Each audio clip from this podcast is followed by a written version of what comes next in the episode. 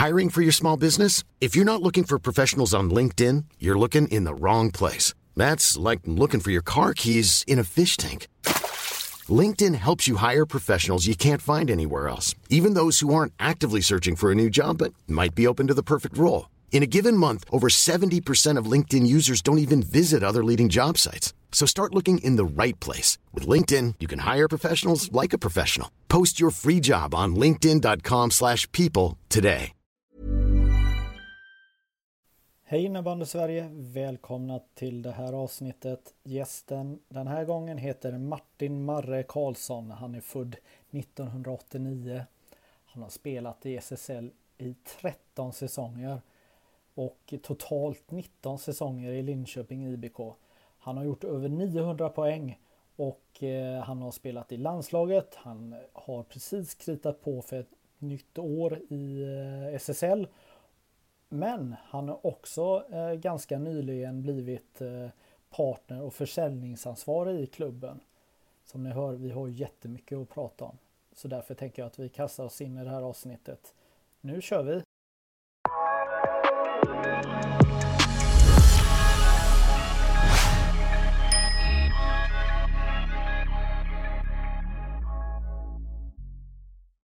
Ja, då hälsar jag äntligen Martin Karlsson eh, välkommen till den här podden. Tack så mycket. Mm. Gud vad kul det ska bli att prata med dig. Du är ju en grym spelare. Ja, gammal dinosaurie utdöende, men eh, jag hänger i ett tag till. Ja. Eh, hade vi fortfarande haft våran papperstidning så är jag övertygad om att du hade haft ett eller två omslag minst men ja, du, du har eh, gjort 13 säsonger här i SSL men inte gått under radarn, absolut inte. Men när man inte spelar i någon av de här eh, klubbarna som vinner titlar så, så hamnar man lite i skymundan, eller? Jo, men så, så kan det ju vara absolut. Det var väl, vi hade väl lite primetime kanske när vi gick upp och gick till slutspel direkt, men sen känns det som att vi har väl varit lite under radarn. Eh, vi hade två finaler vi gick till, eh, men annars så, så har vi nog varit där i mellanträsket någonstans. Mm. Eh, när man pratar med en person som har så här jättelång eh, innebandykarriär så vet man inte riktigt var man ska börja någonstans. Men någonstans så blir jag lite sugen på att börja med slutspelet och eh, den här straffavgörande situationen som, som uppstod. Jag älskar ju det när ni tar det till det yttersta och eh, tar fram era Zorro-straffar och eh, Zorro-klubba och hela den här biten. Berätta, vad, eh, hur gick snacket? Nej, men vi, hade, vi, vi snackade väl lite innan. Vi har har några stycken som ändå behärskar Zorro hyfsat och, och ansåg att det var eh, störst chans att vi skulle kunna gå eller ta någon match om det gick till straffar genom att eh, de flesta la Zorro-straff. Oddsen är väl ändå på straffskyttens sida. Eh, om man behärskar och Zorra så eh, jag är väl emot regelverket så som det är, men, men om den regeln finns att man får dra bollen bakåt så varför inte utnyttja den? Det handlar ändå om att vinna. Mm pratade nyligen med förbundskaptenen Niklas Nordén och han, han sa ju den här detaljen att han älskar det här eh, vi mot hela världen konceptet lite. Det var också lite det som, eh, som han gillade med att, att ni gjorde det ni gjorde.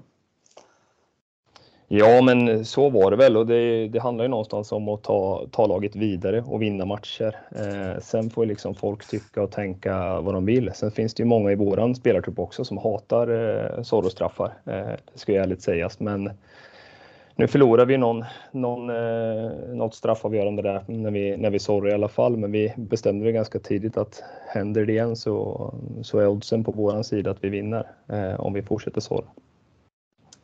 Ja, jag har ju en känsla av att det ni gjorde ändå är en historisk händelse i toppinnebandyn och att det kommer få konsekvenser. Eller vad tror du? Ja, det tror jag absolut. Jag tror de kommer ändra regeln. Eh, det tror jag absolut de kommer göra. Eh, men å andra sidan så vi, liksom, vi hade ju fullsatt två hemmamatcher efter. Vi fick jättemycket publicitet i media. Det skrevs om innebandy. Folk eh, brydde sig i alla fall, så det, det är väl något positivt.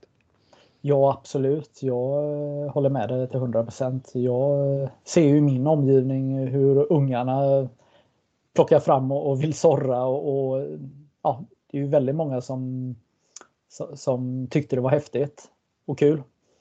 Ja, men så är det ju. Jag vet ju, jag fick en del skit också för jag är stor och stark och gick fram och la en Zorro-straff. Men det många inte vet var att jag, jag sorrade ganska mycket som ung och även när vi gick upp i SSL så, så höll jag på att sorra en del. Så det, det finns där, även om jag kanske tyckte när jag var 25 att det var lite, lite larvigt att, att väga 90 kilo plus och vara 1,87 lång och springa, springa runt och sorra. Men använder man det i liksom avgörande situationer så tycker jag att det är liksom, eh, alltså det är snyggt och härligt på något sätt. Eh, och om man behärskar och, och spela med, med en sån hook. Sen kan jag hålla med om att det är lite fjantigt att byta klubba och, och alla har samma klubba. Men nej, vi orkar inte ställa oss och hooka om fem klubbor eh, inför slutspelsmatcherna. Där.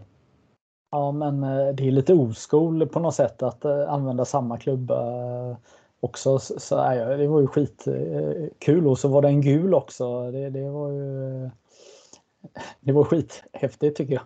Ja, men det var, det var nog bara slumpen att det var gul. Men jag har, jag har lite sorroblad nere, nere i min låda som har legat säkert tio år. Så det är folk som har gått och pillat på dem nu.